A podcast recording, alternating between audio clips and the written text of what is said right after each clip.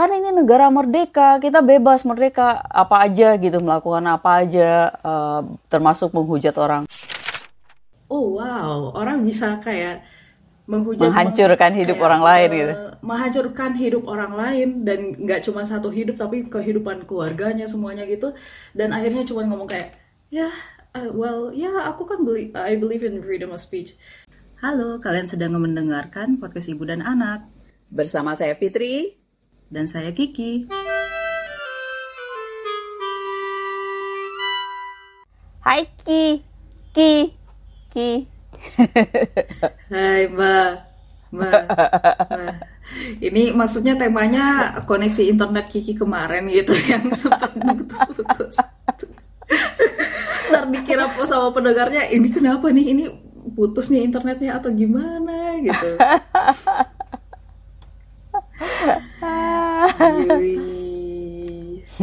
so, so it's December. Eh, yes. Kemarin-kemarin udah Desember ya. Dan udah mulai ada lagi ini interviewnya Billie Eilish yang Vanity Fair. kan ada terkenal tuh interview Billie Eilish dari tahun berapa gitu, dari dia umur berapa, terus tahun depannya ada lagi, tahun depannya ada lagi tiap akhir tahun kayak gitu. Dan Ki pakai hijau biar kayak rambutnya Billie Eilish. Mama pakai hitam dengan biar abu. Rambutnya Billie Eilish juga mah bawahnya kan hitam. Oh iya, oh iya. Oke.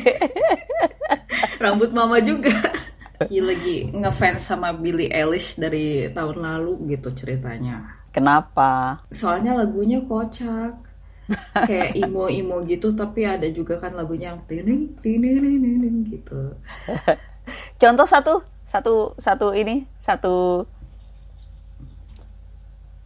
satu bait, satu paragraf, dua line, tiga line. Kan, kan udah yang teneng, teneng, teneng, itu, itu udah satu line.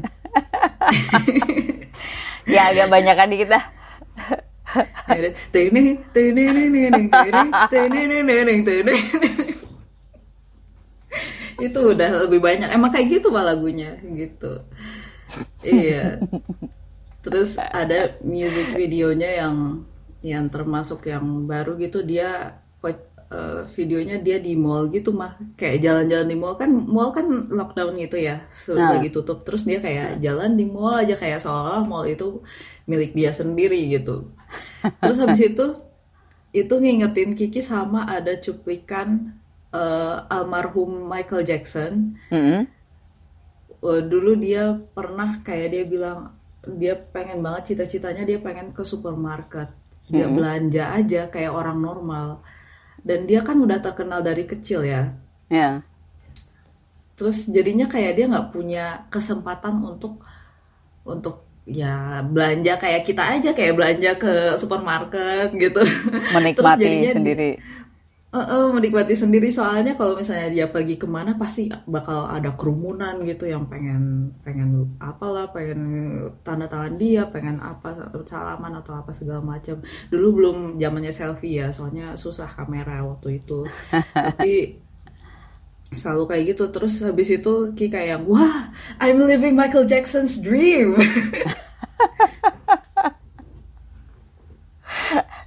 Oke oke iya. Terus jadi mikir kayak orang orang yang terkenal itu ya selalu ada semacam kayak harga yang harus dibayar karena mereka terkenal gitu ya. Ya. Ya. Hidup tuh kan harus ada seperti mata uang ya. Hmm. kita mendapatkan sesuatu hal tapi kita harus mengorbankan hal lain gitu. Kayaknya sih sulit untuk mendapatkan dua-duanya. Kelihatannya hmm. mungkin orang kelihatannya oh dia dapatkan semua tapi mungkin nggak segitu juga. Mungkin ya kita nggak tahu juga sih. Hmm, iya. kenapa Kiki pengen jadi terkenal atau Kiki nggak pengen jadi terkenal? Hmm kalau mama gimana mama sih pengen pengen apa ya kalau terkenal sampai nggak bisa ngapa-ngapain nggak mau. hmm. Maksudnya kita jadi ketakutan mau ngapa-ngapain gitu. um, Iya. mm, enggak sih nggak nggak mau dalam arti eh, kalau mama baca cerita-cerita orang-orang yang terkenal ya itu em, mungkin dia dia ngapain aja bisa jadi duit gitu ya Eh, zaman sekarang ya. Dia apa terus dia eh, po posting terus bisa jadi uang gitu. Eh, kelihatannya enak gitu. Tapi terus kalau dia kenapa-napa dia dihujat seribuan orang tuh rasanya depresi juga nggak sih? Kayaknya mungkin depresi juga gitu ya. Walaupun Iya. walaupun mungkin nggak ya mungkin ya di depan mata orang akan datang ke dia ngomong terus langsung hujat wah wah wah wah gitu. Tapi mungkin juga cuma lewat tulisan tapi rasanya nggak nyaman gitu ya. Pengennya sih eh, pengennya sih ya biasa aja kali ya. Jadi Iya. jadi pengen kalau dari orang terkenal tuh pengen dapat kemudahan kemudahannya tapi nggak nggak mau dapetin em, kesulitan dalam dia itu. Wajar nggak sih? Ya semua orang juga pengennya gitu, pengennya yang enaknya aja kan. iya. Tapi gimana ya? Hmm, kalau Kiki, Kiki kan udah kenal kayak medsos itu dari zaman Kiki SMP, SMA. Hmm. Zaman-zaman belum terlalu stabil dan waktu itu medsos juga masih kayak baru-baru kan tenarnya gitu kayak misalnya Facebook kayak gitu atau Friendster tapi Friendster sekarang sudah hai bye gitu.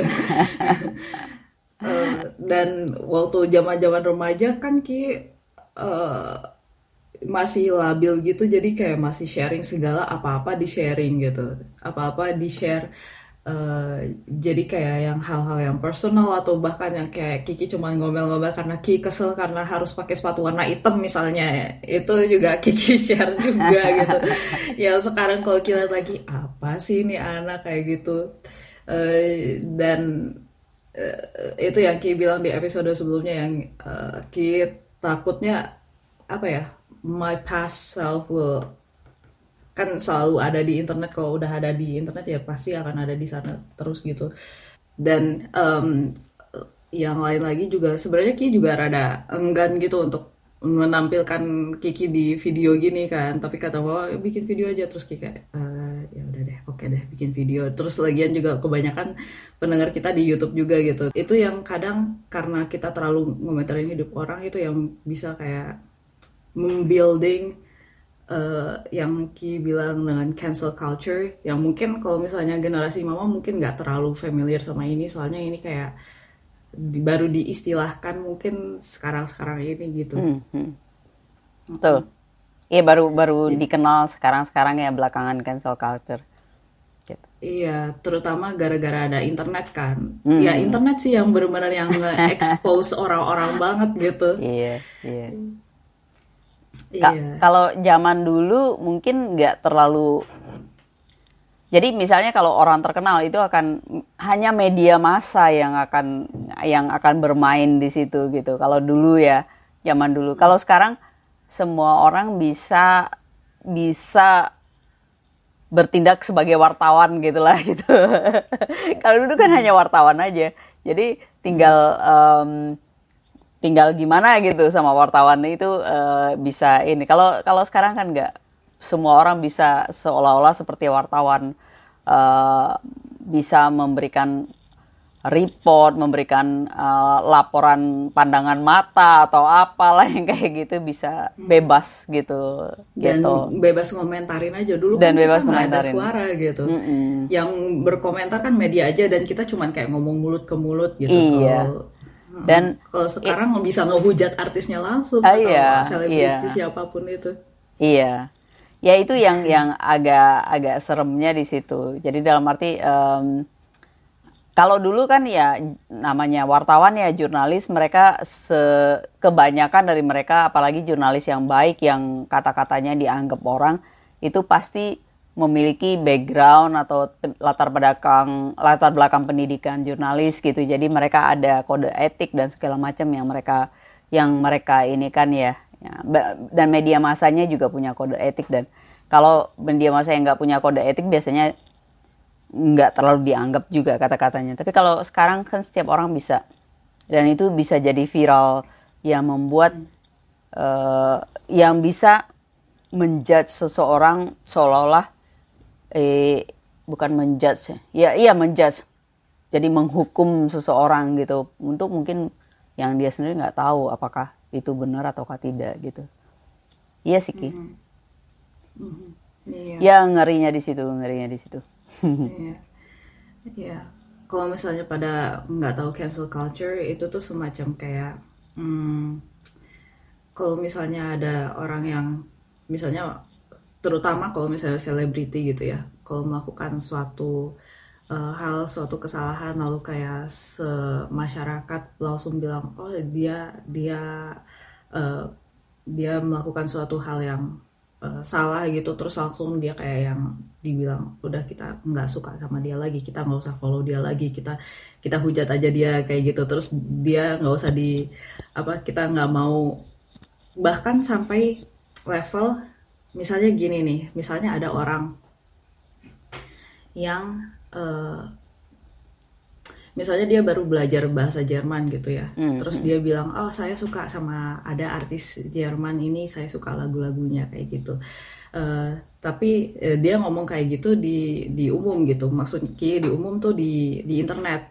dia ah. publish di ah. jadi konten di YouTube eh tahunya artis yang dia sukain itu pernah melakukan suatu kesalahan apa gitu hmm. dan sampai orang yang ngomong kayak saya suka artis ini tapi dia nggak terlalu digging personal live-nya artis ini juga dia bisa sampai kena hujat gitu sampai hmm. dibilang ih kamu kamu sukanya artis yang kayak gitu berarti kamu supporting his act yang kamu apa mendukung tindakan dia yang salah yang kayak gini-gini gitu itu bisa sampai level itu dan itu wajar gitu di di kehidupan zaman sekarang itu sering kali kayak gitu.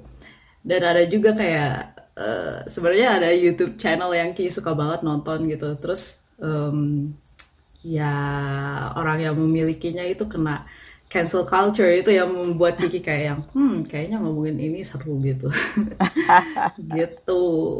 Sedih sih soalnya selama tahun ini tuh sebenarnya Ki sering banget nonton YouTube-nya dia kayak gitu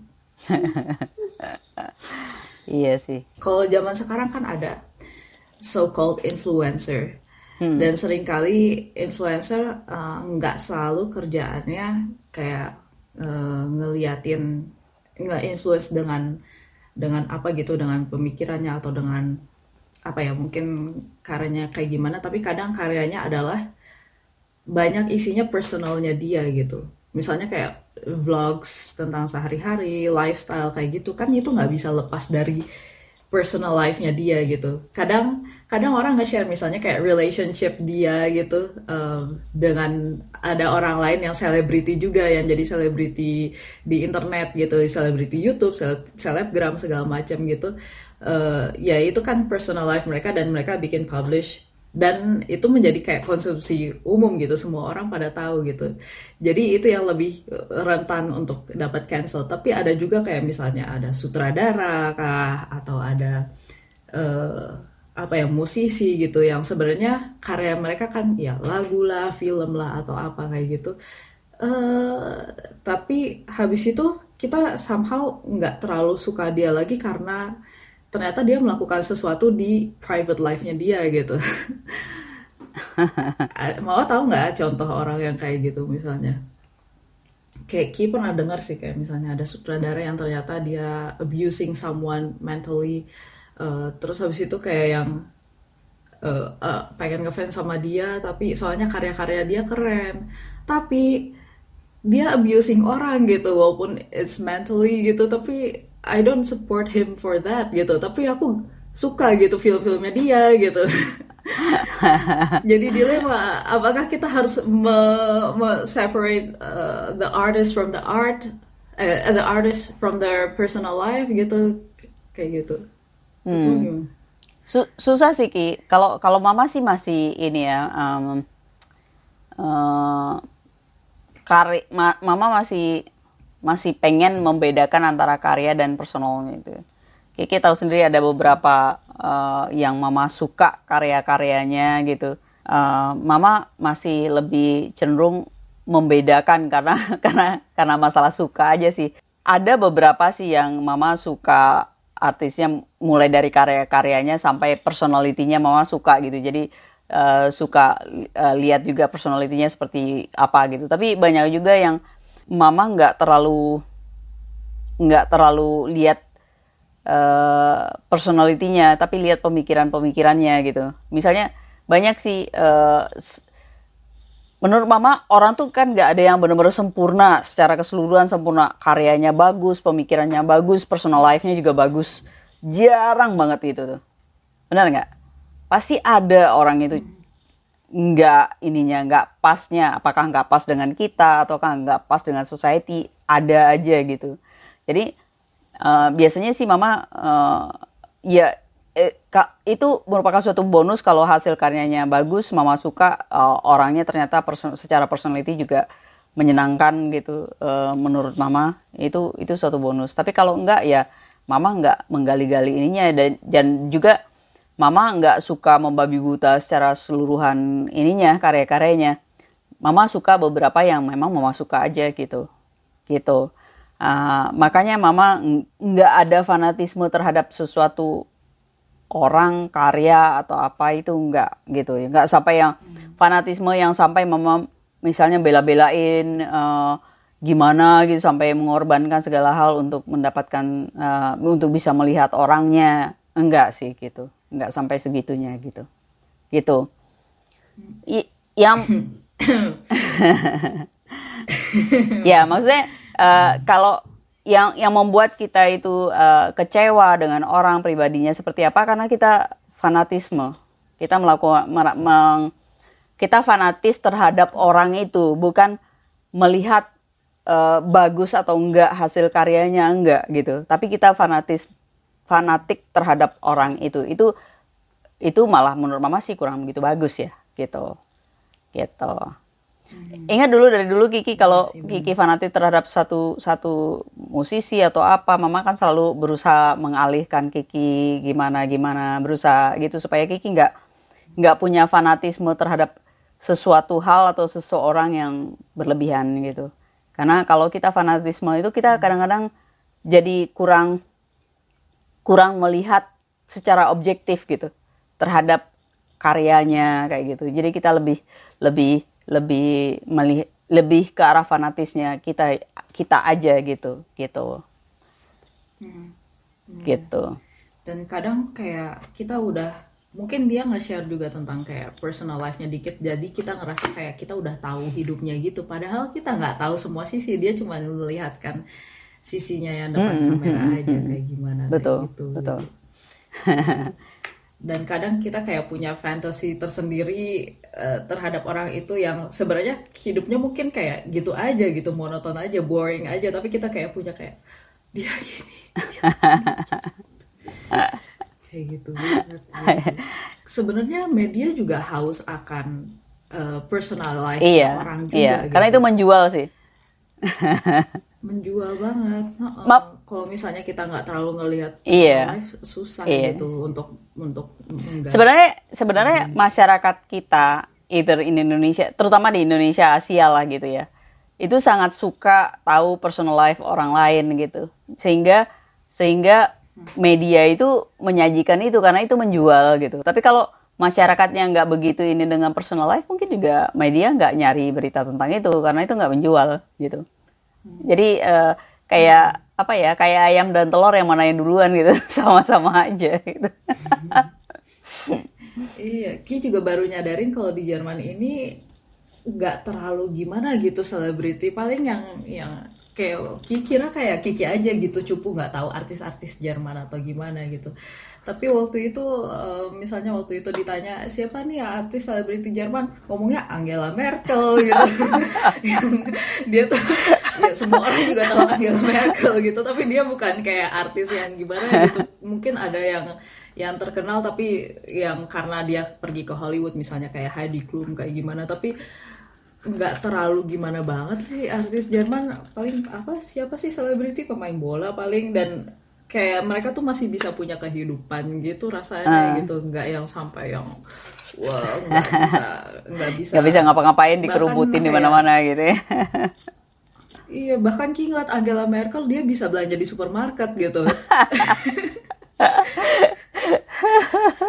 Iya. Tapi balik lagi ke ke yang cancel culture itu Ki ngerasa kayak ada semacam kayak double standards gitu. Nggak hanya Ki nggak tahu kalau misalnya secara gender gitu. Tapi uh, maksud Ki lebih double standards ini karena kita punya ekspektasi. Misalnya orangnya itu dia ngejual brandnya dia sebagai orang baik-baik.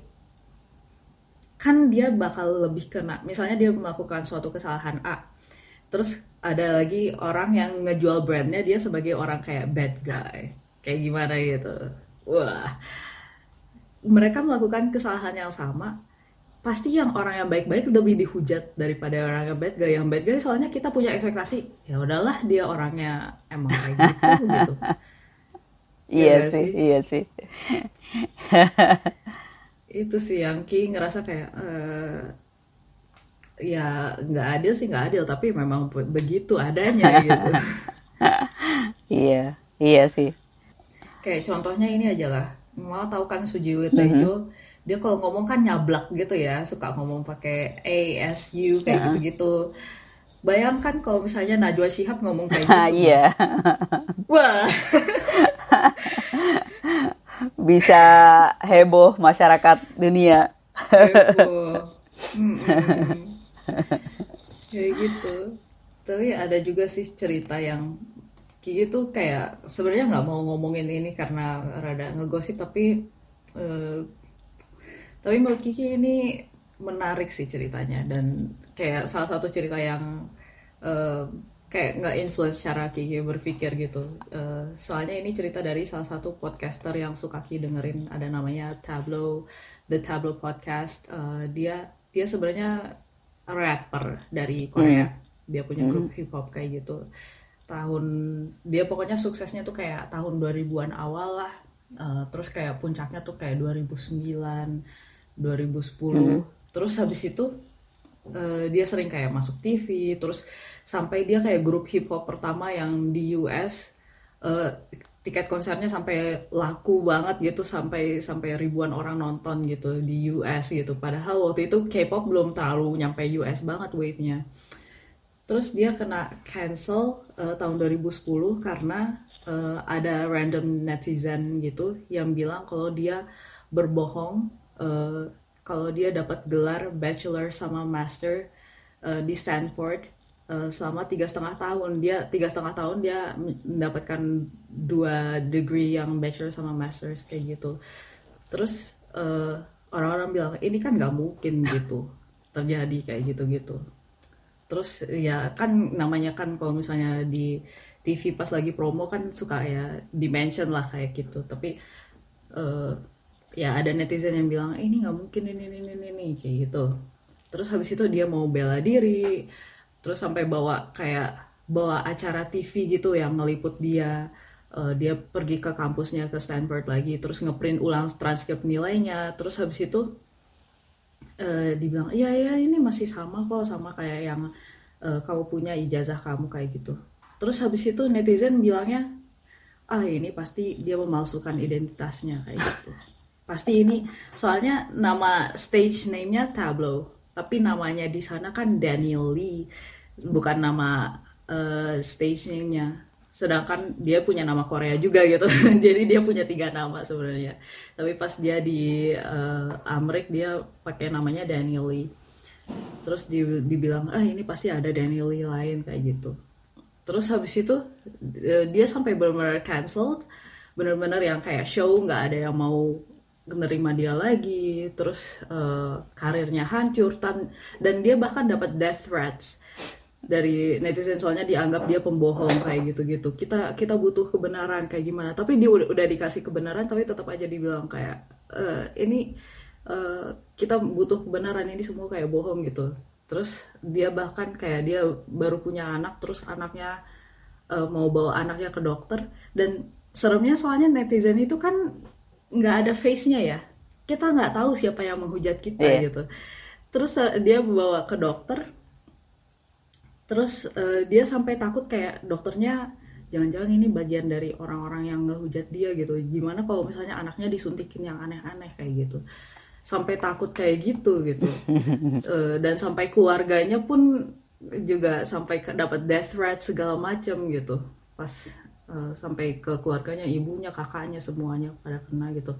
Dan setelah ditelisik akhirnya ternyata dia melakukan uh, ngomong yang benar gitu ya si tablo ini.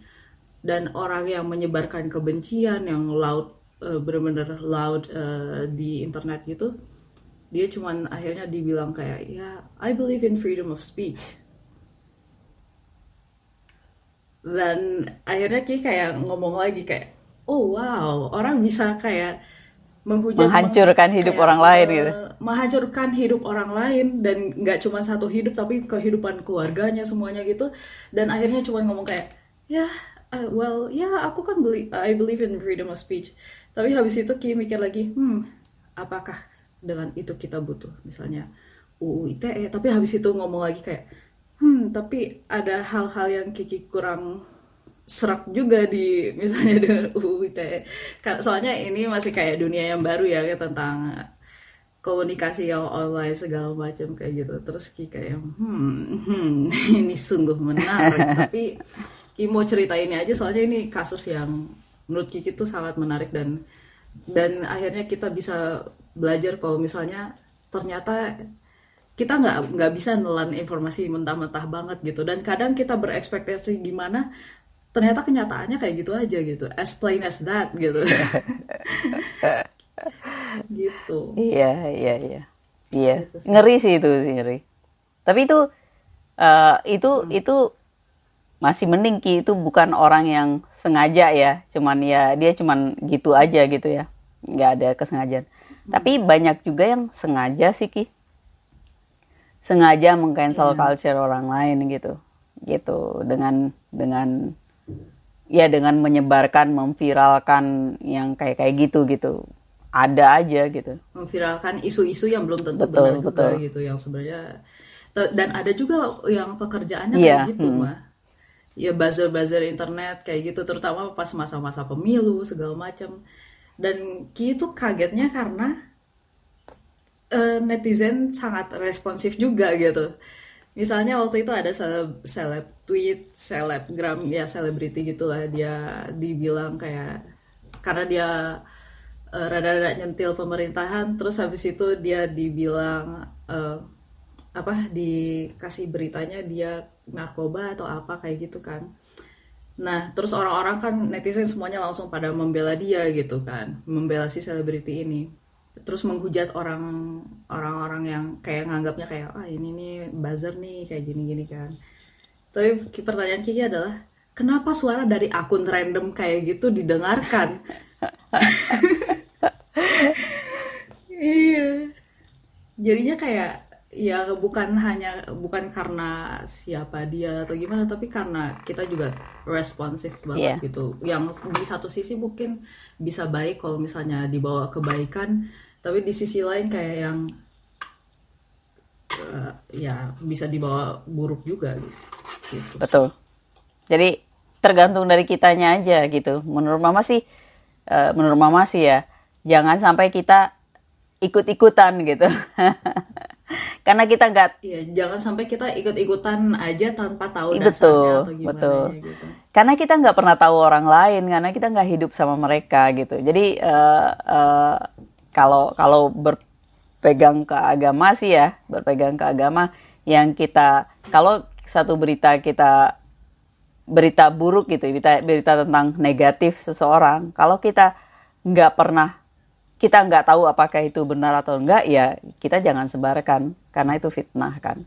Tapi kalau misalnya itu benar adanya ya kita juga jangan sebarkan karena nggak baik kita menyebarkan keburukan orang lain paling kita kalau kita mau memperbaiki ya kita datangin orangnya atau kontak orangnya langsung kita kabarkan bahwa uh, hal itu tidak baik atau apa kalau memang ini ya kita berharap dia berubah gitu ya tapi selain itu ya hmm. yang menurut mama sih ngapain kita kita sampai ikut-ikutan menghujat orang kalau kita nggak tahu ada apa ada apa dengan orang itu gitu. Emangnya siapa sih kita bisa-bisanya menghujat orang lain? Kita cuma manusia biasa, bukan bukan Tuhan, bukan malaikat yang nggak pernah punya salah, nggak gitu juga kan, gitu. Jadi siapa kita? Kok kita bisa mengjudge orang lain, menghujat orang lain? Uh, nggak nggak bukan bukan hak kita sih menurut mama gitu walaupun ya terus terang sih mama sendiri dalam hati ya suka juga menghujat ih apaan sih gini? Atau ngomel-ngomel sendiri. Tapi kalau untuk menghujat orang untuk menyebarkan ke mana-mana sih rasanya nggak mau deh mama. Gitu. Hmm. kalau ngomel sendiri sih sering. Dasar manusia hobinya ngomel-ngomelin kehidupan orang. Hmm. Ya tapi seenggaknya ki bahagia kalau misalnya kita di sini seenggaknya kita masih memiliki freedom of speech tapi gunakan dengan yeah. baik.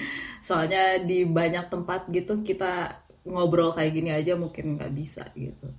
Jadi ki kayak wah, bersyukur kalau kita sama-sama bisa gitu di sini. Iya bersyukur. Gitu. Yeah. tapi sebenarnya kalau ngomong freedom ya Kia freedom.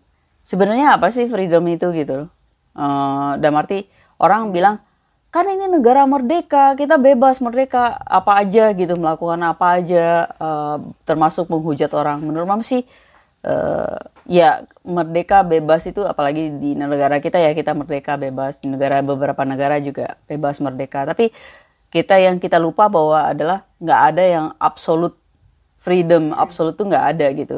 Pasti kemerdekaan seseorang itu dibatasi oleh kemerdekaan orang lain. Bener nggak ki? Gitu. Iya, iya, jadi benar. kita itu merdeka tapi batasan kita itu ada. Kita nggak absolut merdeka gitu. Batasan kita tuh apa? Kemerdekaan orang lain gitu. Misalnya uh, kita merdeka mengemuka, mengemukakan pendapat tapi kemerdekaan kita dibatasi oleh kemerdekaan orang lain yang mempunyai hak untuk mendapatkan informasi yang benar gitu, yang yang ter ter apa ya namanya uh, terverifikasi atau apa yang kayak kayak gitu gitu. Jadi itu batasan merdeka kita. Menurut mama sih gitu, gitu. Jadi nggak ada yang benar-benar merdeka. Uh, soalnya banyak orang yang bilang, wah kan negara merdeka, boleh dong kita ngomong apa aja, bebas ini gitu. benar, benar. Ki juga setuju dengan itu. Ya, I don't know, kayak maksudnya mau semerdeka apa? Mau liberal. liberal juga dibatasi oleh orang lain gitu. iya, jadi iya, tapi walaupun akhirnya batasan itu kadang karena tidak eksplisit secara hukum juga uh, dan lebih ke kayak ayolah kita kemanusiaan kayak lebih terhimbaukan bukan yang kayak harus kayak gini. Kalau nggak kayak gini hukumannya apa kayak gitu. Dan kalau misalnya dengan hukum juga karena rancu itu sebenarnya serem sih kalau misalnya terlalu Ki nggak tahu ya Ki nggak belajar hukumnya. Jadi Ki nggak bisa bilang kayak apakah hukumnya sudah cukup uh, detail dan cukup adil atau enggak kayak gimana gitu. Uh, I don't know. Tapi ya kita sebagai manusia ya dari dasar kemanusiaan aja. Sebagai manusia ya saling menghormati aja kayak gitu. Ya walaupun kadang sebenarnya cancel culture ini ki dulu belajar di sosiologi juga bisa menjadi kayak wadah kita kayak untuk uh, kadang kayak orang terbentuk uh, normanya karena society juga gitu. Tapi kadang ya akhirnya semuanya harus moderate sih menurut Kiki ya. Jangan terlalu gimana jangan terga karena semua orang pasti punya bias sendiri-sendiri gitu. Jadi jangan terlalu mengedepankan ego kita masing-masing.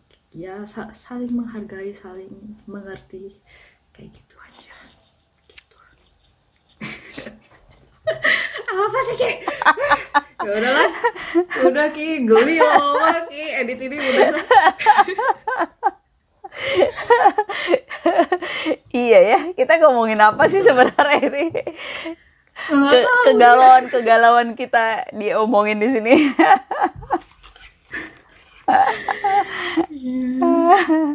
Ya udah deh udah gitu aja. Nggak tahu sih kalian akhirnya mengerti atau enggak. Semoga diresapi. Tapi jangan jangan diambil terus habis itu dipotong cuplikannya. Terus habis itu ditumpar blok-blok gitu. Omongannya kayak gitu sih ya jangan.